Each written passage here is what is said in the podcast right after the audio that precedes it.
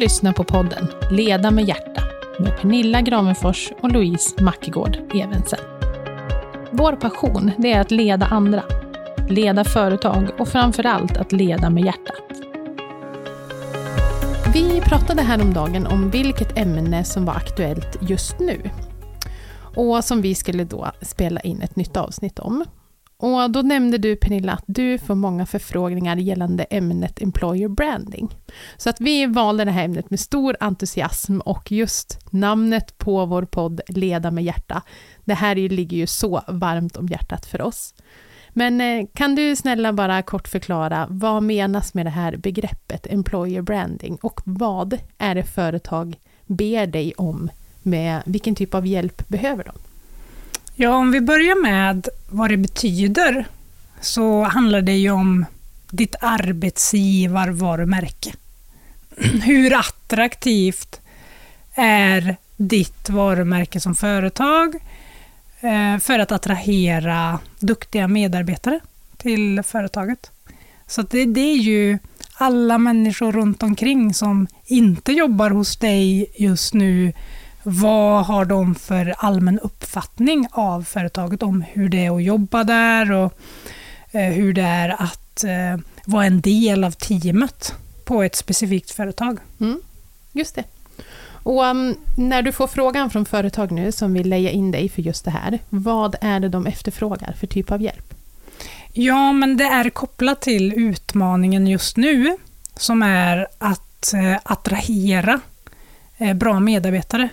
Besöksnäringen har ju varit igenom en ganska svår tid mm. de senaste åren med pandemin och nu är det nya kriser på gång. Vilket gör att det finns duktiga medarbetare som har övergett branschen, eh, gått in i andra branscher för att eh, den här branschen har varit lite osäker. Det finns de som har börjat plugga och ja, gör helt enkelt helt andra saker. Mm, som har bytt bana.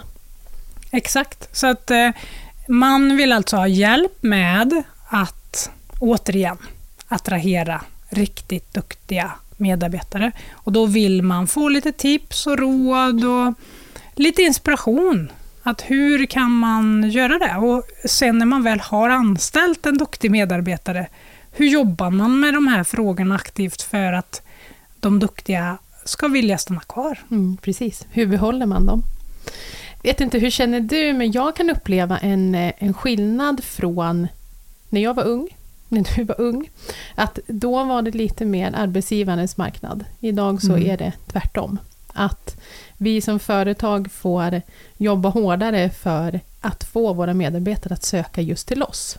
Och att det här ryktet vi har som arbetsgivare är verkligen så viktigt för att just som du säger kunna attrahera nya men också kunna behålla dem. Hur känner du? Ja, men jag känner precis samma sak och jag reflekterar nu när du säger det här att det gäller liksom hela branschen.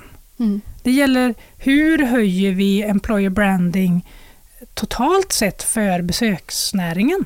Hur får vi fler människor att förstå att det här är världens bästa bransch? Mm. Alltså det är ju helt fantastiskt. Man får jobba med andra fantastiska människor. Man får jobba med massa olika saker. Eh, man kan liksom, ofta får man använda flera strängar på sin lyra. Eh, och eh, man får jobba med möten med andra människor. Mm. Och man får jobba i en glad miljö. när man besöker ett hotell eller man bokar en aktivitet med ett aktivitetsbolag eller vad det nu kan vara, så är det ju för att man vill förgylla sitt liv. Man vill ha en krydda av extra glädje. Och tänk att jobba i en sån miljö. Och det får du och jag göra och det är ju helt fantastiskt. Och jag skulle vilja att vi fick fler att förstå vad fantastiskt det här är. Och att det finns världens karriärsmöjligheter och att man verkligen kan växa i den här branschen. Du och jag är ju kanske ganska bra exempel på det. Mm. Jag bara gled in och tänkte att Mm, jag ska bara sladda runt här lite och tjäna lite pengar till en lång jorden runt-resa. Sen ska jag erövra världen och göra något helt annat. Men eh, ja, 25 år senare så är jag fortfarande kvar i samma bransch. Och det är för att jag älskar det så mycket. Jag brukar likna det lite grann med eh, att det är som en galleria. Att kommer in, vi säger nu på ett hotell, så som du och jag har jobbat med mestadels, att man kommer in till den här gallerian där det är så många olika avdelningar och enheter och team som jobbar på olika sätt men för samma mål. Och det är det som gör att det är en sån variation, en sån utmaning, en sån glädje, är att ingen dag är den andra lik, för att alla i den här gallerian ska komma överens och vi ska jobba mot, som sagt, samma mål och, och få de små teamen att bli ett stort team. Det är, det är något av det bästa som finns. Men mm. vi är ju lite partiska här också. Mm. Och sen är det också väldigt kul för att eh, det är också ett väldigt svårt uppdrag. Det krävs eh, väldigt mycket kompetens och att man håller sig uppdaterad och vi behöver väldigt många duktiga medarbetare för att driva en näring inom besöksnäringen, då måste man gasa och bromsa samtidigt. Man har inte kanske lika många experter som inom andra branscher.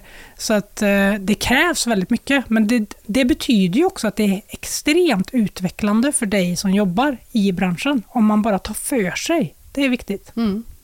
Jag hade en gäst på um, det hotell som jag jobbar på idag som hade sagt till sina barn hemma att det här tror jag är en jättebra arbetsplats för dig.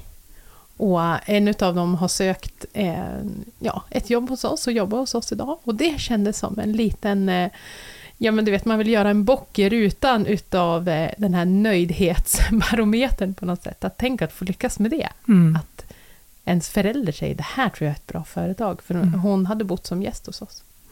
Ja, eh, mycket att prata om gällande det här ämnet, men om vi ska försöka bena ner lite grann. Vad, ehm, om vi säger att det här är employer branding, alltså det handlar ju om hur ett företag eller organisation uppfattas som arbetsgivare av potentiella, nuvarande och tidigare anställda. Ehm, du, vi har ju några exempel på hur det här kan se ut och hur man ska jobba. Vart mm. Ehm, skulle du vilja börja? Jag tänker att vi kan ju börja i vårt gemensamma projekt då. Mm. Uh, om man använder Copperhill som ett exempel så um, kan jag ju måla upp utgångsläget först då. När jag kom dit hösten 2009 då um, hade det varit ett mediadrev om byggfusk och konkurs på företaget. Eh, det var också väldigt stor osäkerhet eh, då företaget hade gått igenom en rekonstruktion. Det var ju bara fem anställda när jag kom in. Och De kände också en viss osäkerhet eftersom alla andra hade fått gått på grund av rekonstruktionen. Och Det var också en ganska turbulent första vinter med en hel del rykten som spreds på byn och sådär. Och, och Då kan man tänka att det var utgångsläget och det är inget bra utgångsläge för employer branding. Ja. För att med det utgångsläget så attraherar man långt ifrån de bästa i branschen som vi behövde och som vi ville ha. Mm. Och det här hände ju inte över en natt. Men vad vi gjorde där, det var ju att vi inför första vintern så använde vi ett, en rekry, ett rekryteringsföretag som rekryterade in. Och um, Ja, vi kan väl vara ärliga med att den där första vintern, det vi nog pratat om i många avsnitt, den eh, var händelserik och väldigt spännande och väldigt utvecklande. Men eh, det var långt ifrån allt som eh, gick som vi hade tänkt. Mm. Och vi identifierade ju ganska snabbt då vissa saker som vi behövde göra och då har jag valt ut de sakerna som jag tycker är starkt kopplat just till employer branding. Mm. Och först och främst så är det ju att skapa strukturer och en trygghet. Eh, finns inte den så um, skapar man ju heller inte en, eh, en... Ja, man får ju ingen trygg arbetsplats och det behöver det ju vara i grunden. Eh, det är liksom steg ett. Mm. Att eh, jag som anställd vet vad jag ska göra, hur jag ska göra och att jag har förutsättningarna för att göra det. Har du några Nej, Jag tänker bara, det? Du vet, det är så här klassiskt den här eh, behovshierarkin någonstans. Att eh, verkligen börja med de grundbasala nivåerna att, eh, ja men som du säger, att medarbetarna ska veta vad vi ska göra, att det, att det finns någon typ av struktur och att vi börjar med det som gör våra medarbetare annars orolig. Att det blir mm. oro i lägret så att det blir ännu mer ryktespridning och att det är verkligen grunden, det basala först. Ja, vi har pratat om det också i tidigare avsnitt, det här med att olika generationer önskar olika delar för att känna den här tryggheten. Och de senaste åren så har jag jobbat jättemycket med befattningsbeskrivningar till exempel. Och med nedskrivna detaljrutiner och så vidare.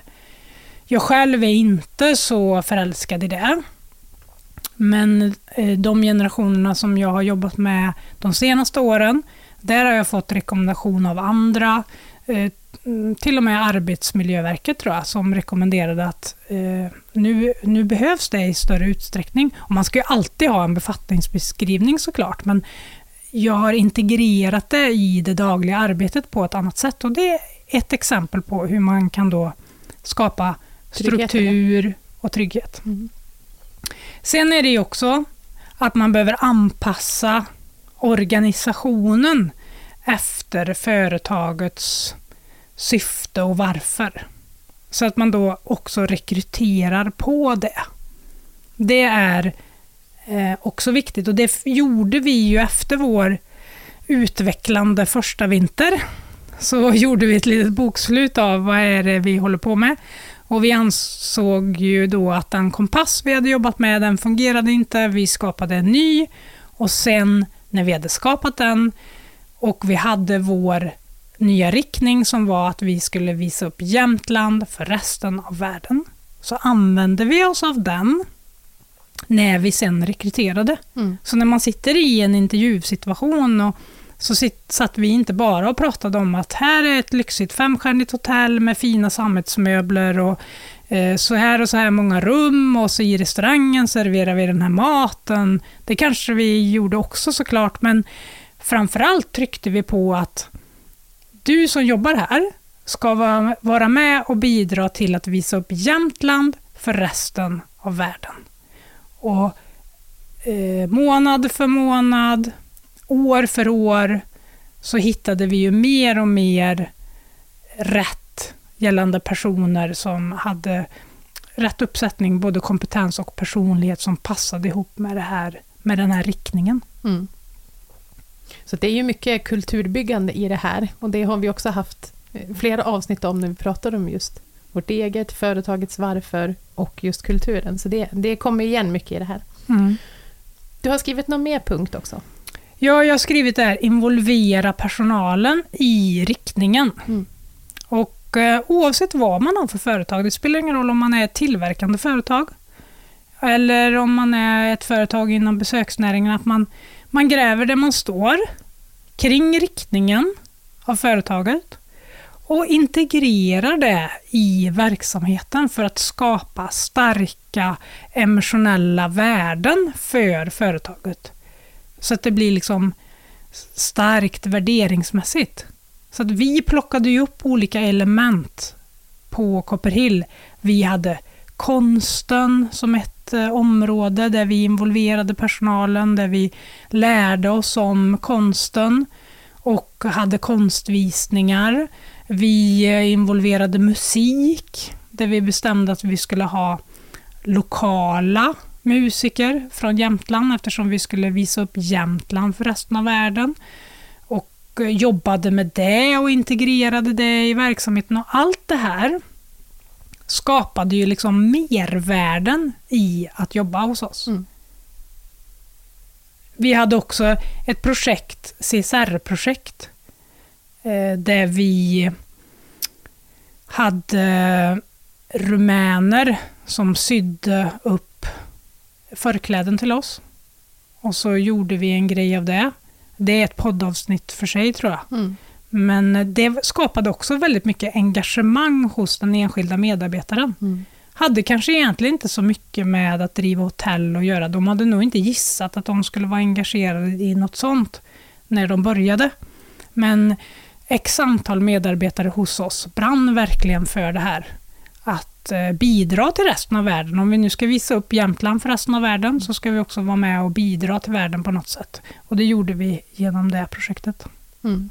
Ja, och det, det kommer jag så väl ihåg, för det, ursäkta, som du säger, det skapade så mycket engagemang i just det här, och som du säger, att få med våra medarbetare, att det, det är där nyckeln ligger.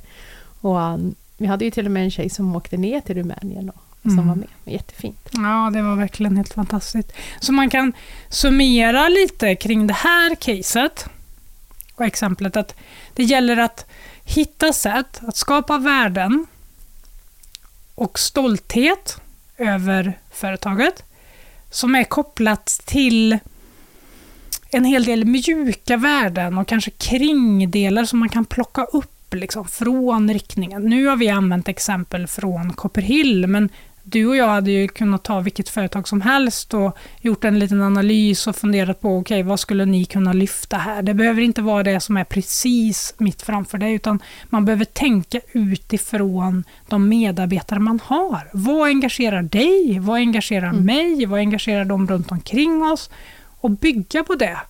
Och då ökar förutsättningarna för att man får medarbetare som verkligen förälskar sig i företaget som helhet och då väljer de ju ofta att stanna längre än vad de hade tänkt. Ja, och det är också det som gör att vi ger den där extra växeln. Att man, man verkligen tar i när det verkligen behövs och det är det som också gör att det är roligt att komma till jobbet. Det, det är ju sakerna runt omkring också, det är ju inte bara jobbet i sig. Nej. Och vi har ju haft en serie poddavsnitt här om möten till exempel. Det är också ett sätt att krydda sitt varumärke. Att hur leder vi våra medarbetare? Hur mycket tid och energi och kärlek lägger vi i ledarskapet av våra medarbetare? Och det står i direkt proportion till vad man får tillbaks.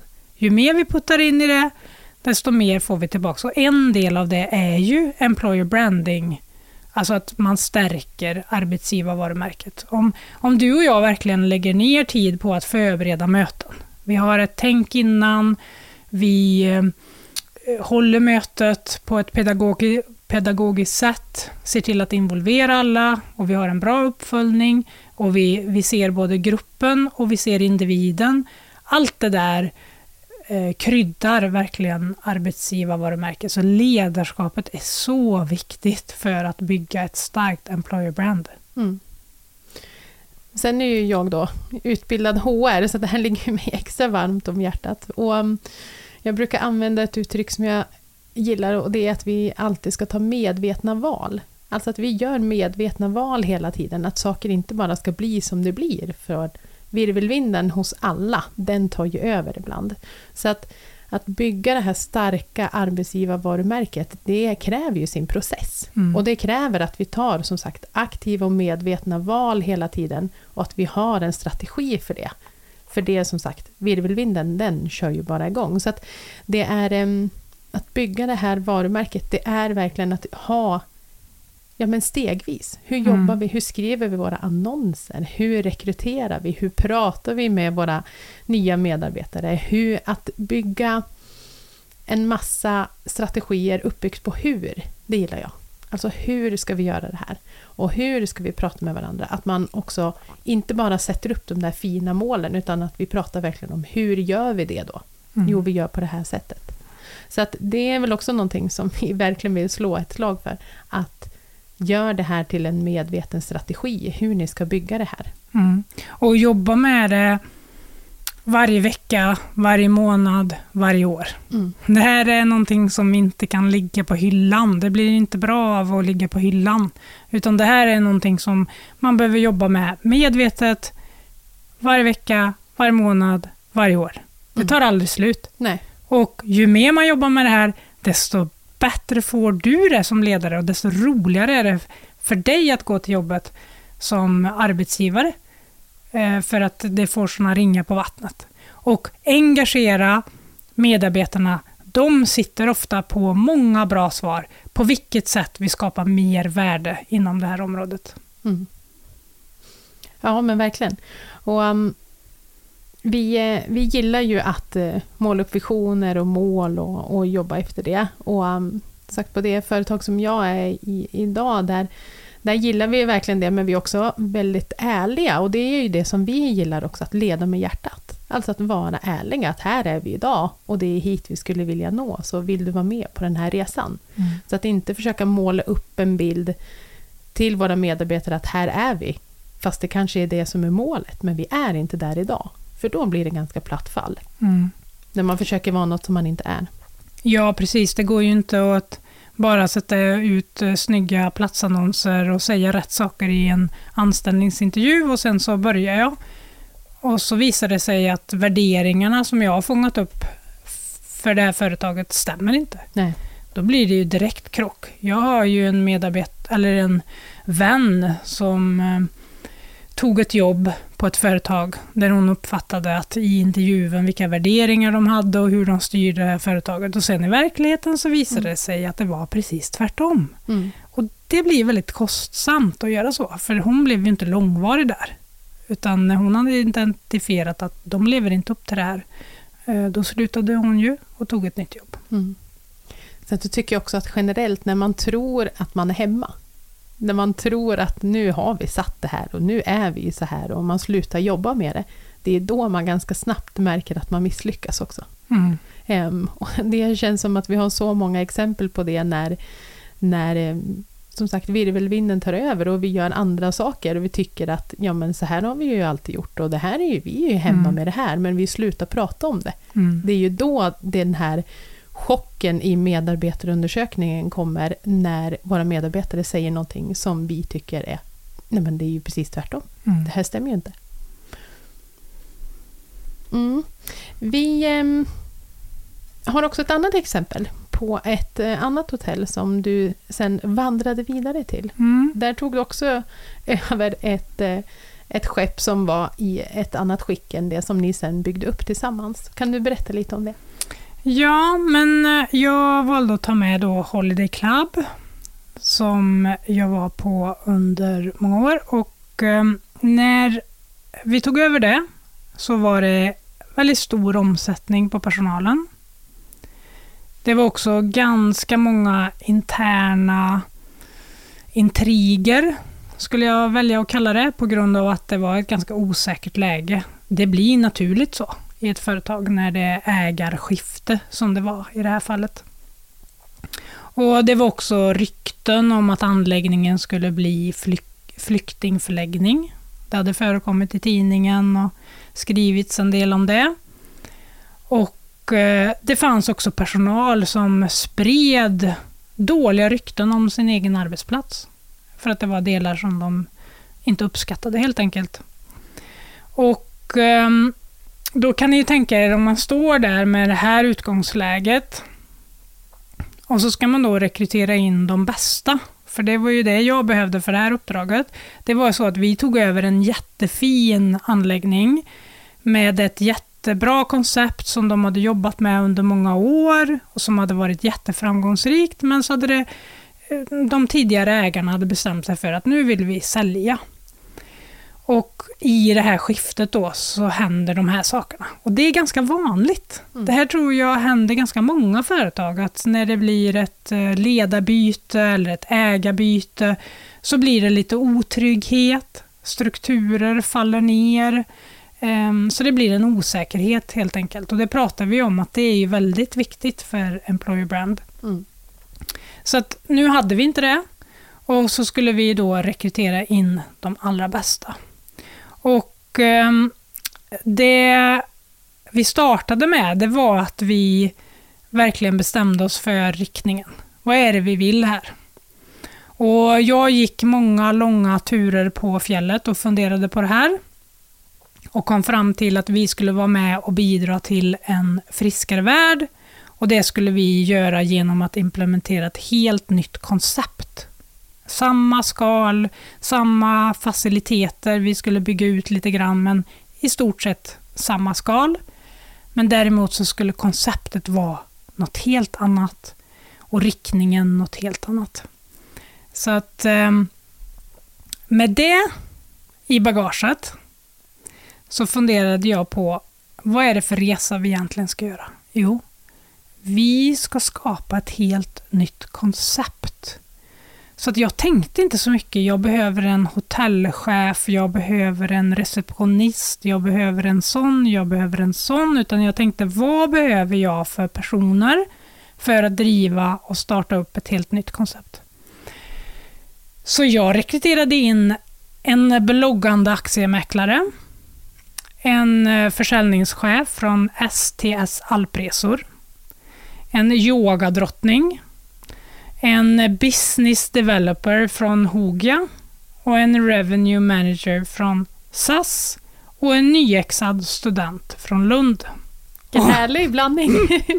och när ni hör det, om jag hade presenterat det på det här sättet till eh, min styrelse, så kan ni ju kanske gissa vad de hade tänkt att ja, lycka till med det där aprilskämtet. Mm. Um, var det här före eller efter som den fackliga klubben ville stämma dig? Uh, ja, det här var nog uh, mitt i det på något sätt. Mm. Uh, för det, det, var ju också en sån här härlig händelse att första halvåret så identifierade jag lite olika roller som jag ville tillsätta. Och eh, Eh, vi var rörande överens om att de här rollerna skulle tillsättas för att det fungerade inte som det var. Eh, och i all hast och i allting som skulle göras första halvåret så hade jag ju eh, lyckats få in blanketter och anmälningar om MBL-förhandling för några roller, men så var det någon roll där som jag hade missat.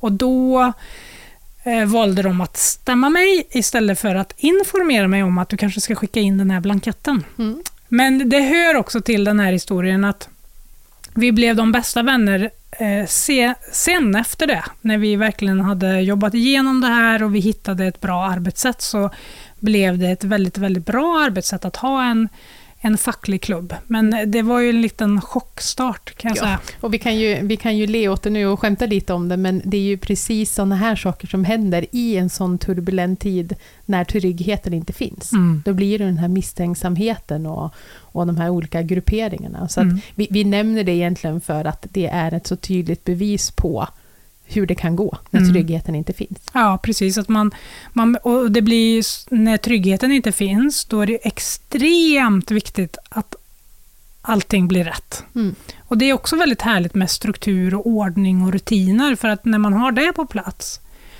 då kan man som ledare i större utsträckning begå något misstag lite då och då och få hjälp av sina medarbetare, för då kommer de rädda dig. Mm. För det var vad som hände sen. Sen fick de ju liksom...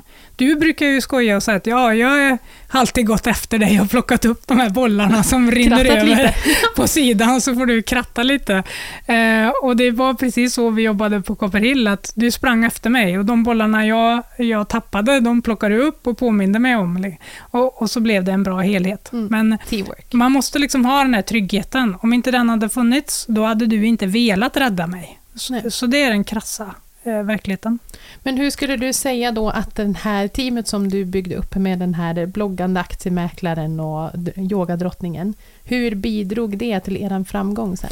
Jo, det var så här att de här personerna eh, hade ett eget starkt personligt varumärke. Mm.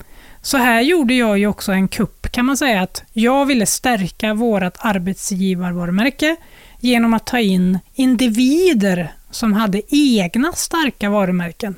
Och så är det ju i dagens samhälle att det finns ju individer som har jättestarka kanaler i sociala medier och på annat sätt. Där de har skapat ett varumärke kring sig själva som person. Och Många av de här personerna som jag rekryterade in, de hade just det.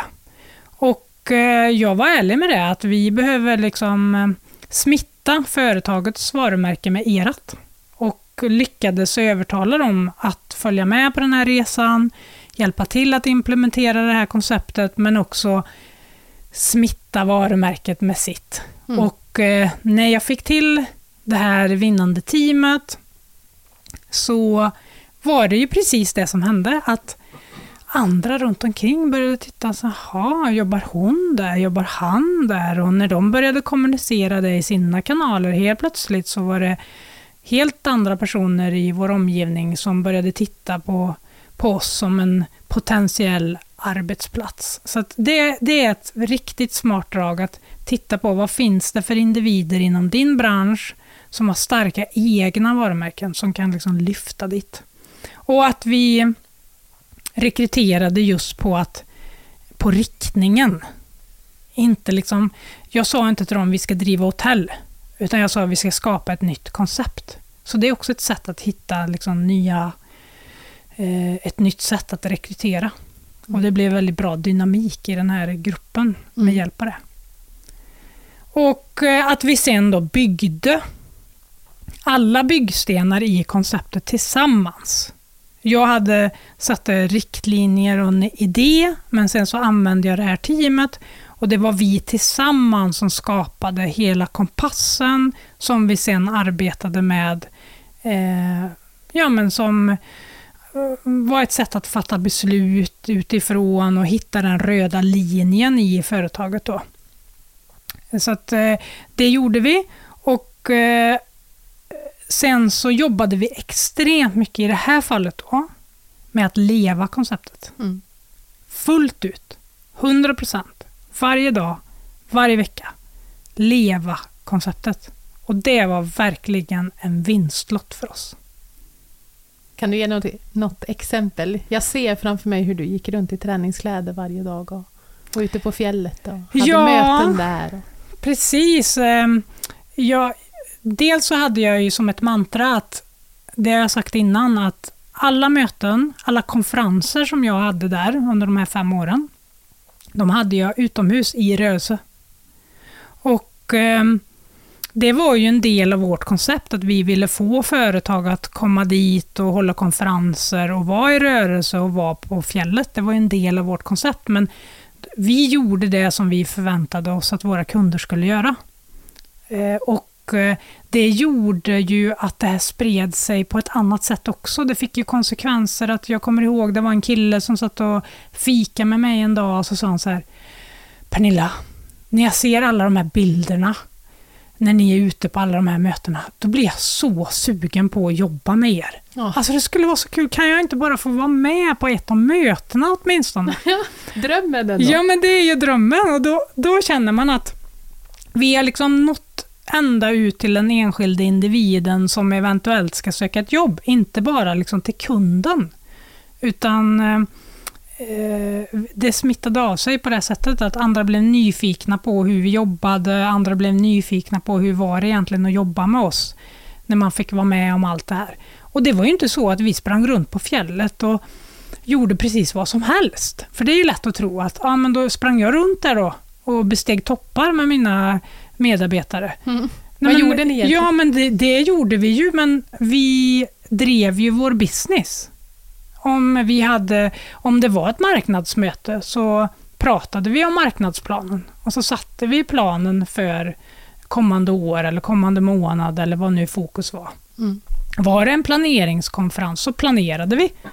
Men det har vi ju pratat om i, i mötesavsnitten, att det här är ju ett sätt att hålla möten på. Alltså man, det var ju lika seriöst innehåll. Vi fick jobbet gjort, men vi gjorde det på ett sånt sätt så att vi levde konceptet. Och det här går att översätta till vilket företag som helst. Nu pratar vi om hotell och det här är ett eh, frisk, eh, alltså ett eh, hälso eller träningshotell. Men, men det här går att översätta till eh, vilket företag som helst. Mm. Att integrera det här.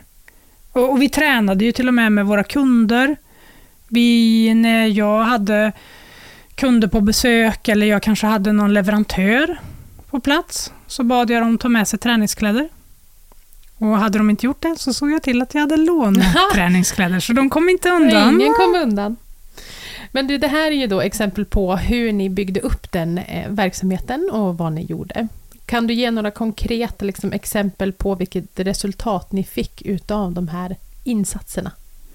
Ja, men det var att vi höjde nivån avsevärt på de ansökningar vi fick. Alltså vi fick ju fler ansökningar och framförallt det viktiga, vi fick högre kvalitet på de som sökte. Alltså personer med bra kompetens och bra erfarenhet som vi behövde. Det här är ett komplext hotell det har 1050 bäddar, eh, flera restauranger, butik, eh, jättestort bad. Det krävs jättemycket kompetens för att driva det här. Så vi behövde erfaren personal. Och helt plötsligt så fick vi de ansökningarna. Mm. Och det var ju en lycka när man började. Jag hade ju i början, jag övertalade ju människor att ta jobbet. Alltså jag sålde min själ för att få den här bloggande aktiemäklaren att starta, eller försäljningschefen på STS.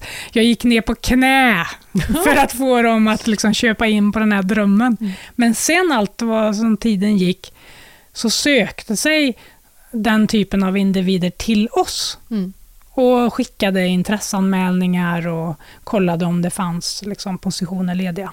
Så det, det är ju ett konkret eh, exempel.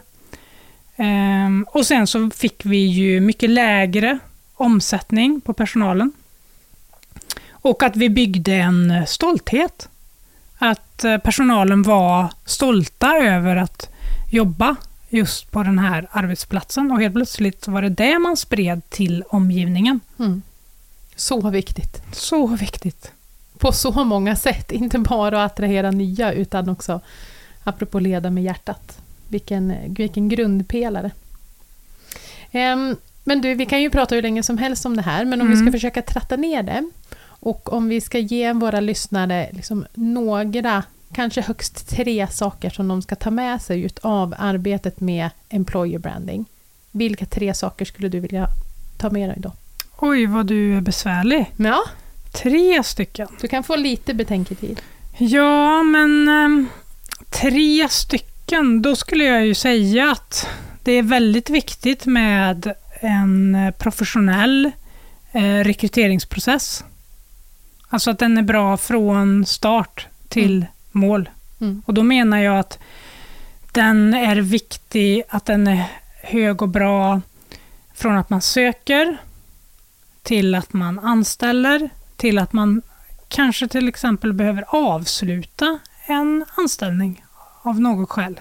Det tror jag också är ett eget avsnitt någon gång i framtiden, att prata om hur säger man upp på ett värdigt sätt. Mm. Det är också någonting som smittar ditt arbetsgivarvarumärke, hur du väljer att avsluta anställningar, som du faktiskt ibland behöver göra.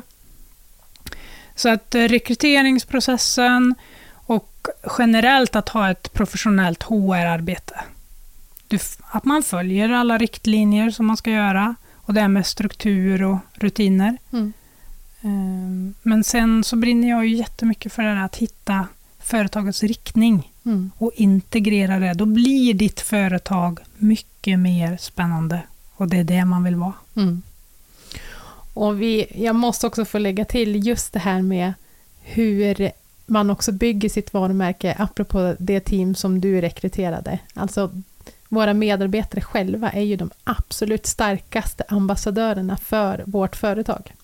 Så att få våra medarbetare som faktiskt jobbar hos oss idag att trivas, att vara glad och nöjd och tycka om sin arbetsplats, det kan inte finnas bättre ambassadörer som då också hjälper till att attrahera nya medarbetare.